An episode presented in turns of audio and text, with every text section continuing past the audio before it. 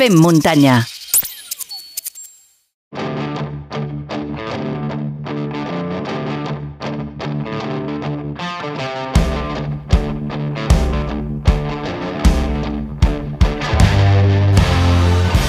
I un dia més el que hem de fer és tornar a la consulta del nostre coach esportiu de capçalera. Ja el coneixeu, el Guillem Marchal, és llicenciat en Ciències de l'Activitat Física i l'Esport i Master Coach per la International School of Coaching. Molt bones, Guillem! Molt bones, Xavi, família muntanyera. Avui, de la conversa que hem tingut ara fa uns minuts amb el Raül Botassi, podrem sortir, no?, o poden sortir molts highlights, perquè el tio no esquiva les preguntes i respon a tot, eh?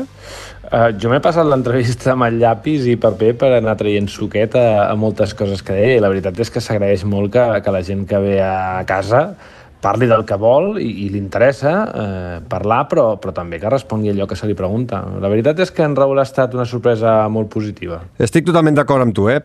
A veure, de tots els temes que, que has escrit en aquest eh, paper i amb el teu llapis, què creus que t'ha resultat més eh, rellevant i que vulguis destacar ara?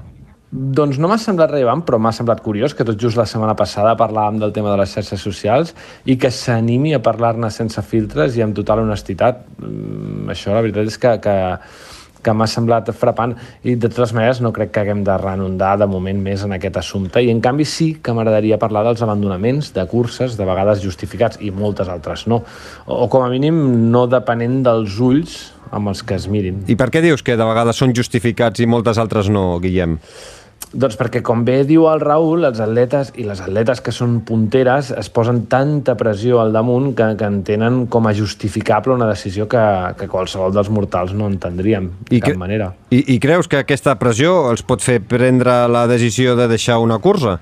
Sembla contradictori perquè a priori hauríem d'entendre la pressió com a part de la motivació que ens permet millorar el nostre rendiment, però la veritat és que una pressió basada en una incoherència entre expectatives i realitat eh, precisament dona el resultat oposat i, i provoca ansietat i estrès. Però tenint en compte, eh, no sé, el que costa preparar una cursa i els mesos que un s'ha d'estar preparant-la, no entenc com a, a lògica no? la decisió d'abandonar a menys que no hi hagi una lesió o una causa mèdica justificada perquè et mires i interpretes la lesió com una part física i que afecta de manera evident el corredor o corredora, però no observes la possibilitat de que la lesió estigui integrada al cap o a l'ànima, que, que arrel d'això es somatitzi en lesions físiques.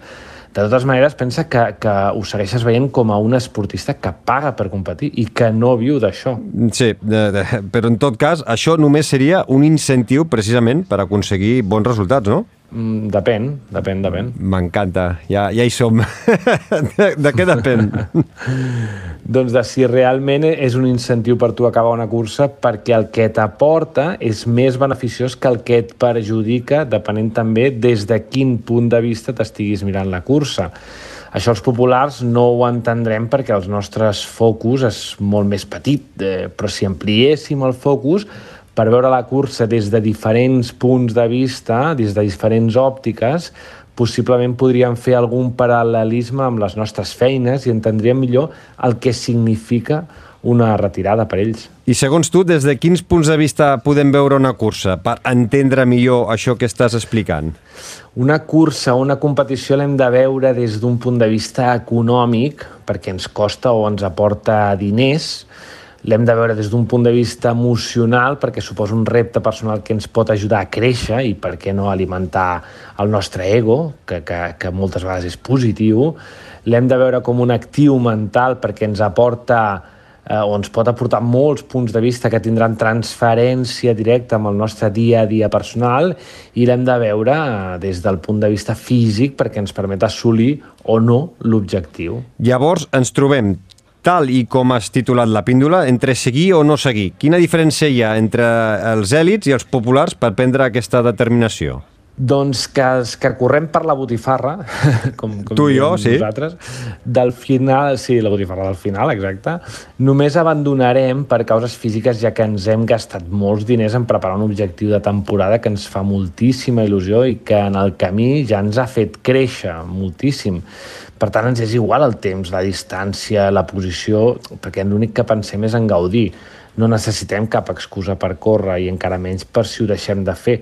Ni cap coartada eh? ens ha de salvar de res perquè que hi som, perquè hi, perquè hi volem ser. I des del teu punt de vista, Guillem, en els corredors d'èlit no és tan bé tot això així? A veure, des del meu punt de vista és tot això, però amb molts matisos, perquè igual que tu i jo, per fer un podcast sense qualitat humana, sense col·laboradors xulos, sense convidats que parlin amb llibertat o amb un so de dubtosa qualitat, no ens hi ficaríem, no, no, no ens hi posaríem, o, mm. o l'hauríem deixat de, de fer fins a trobar el moment adequat, no? I els èlit no es poden ni es volen permetre eh, no donar l'estàndard de qualitat al que s'han compromès amb ells mateixos, amb els seus, amb els seguidors eh, i amb la marca que els paga.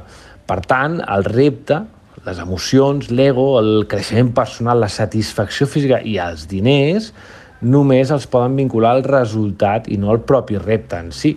Així que sé que dona molt pel sac veure tants retirats en proves en els que molta gent ens hem quedat fora, però en aquest cas el punt de mira l'hem de posar en les federacions, les curses, les marques i els calendaris i no tant en esportistes que gestionen com poden una vida plena d'incertesa. Això sí, que se la gestionin en silenci perquè l'empatia acaba desapareixent amb tant de soroll de posts, històries i excuses.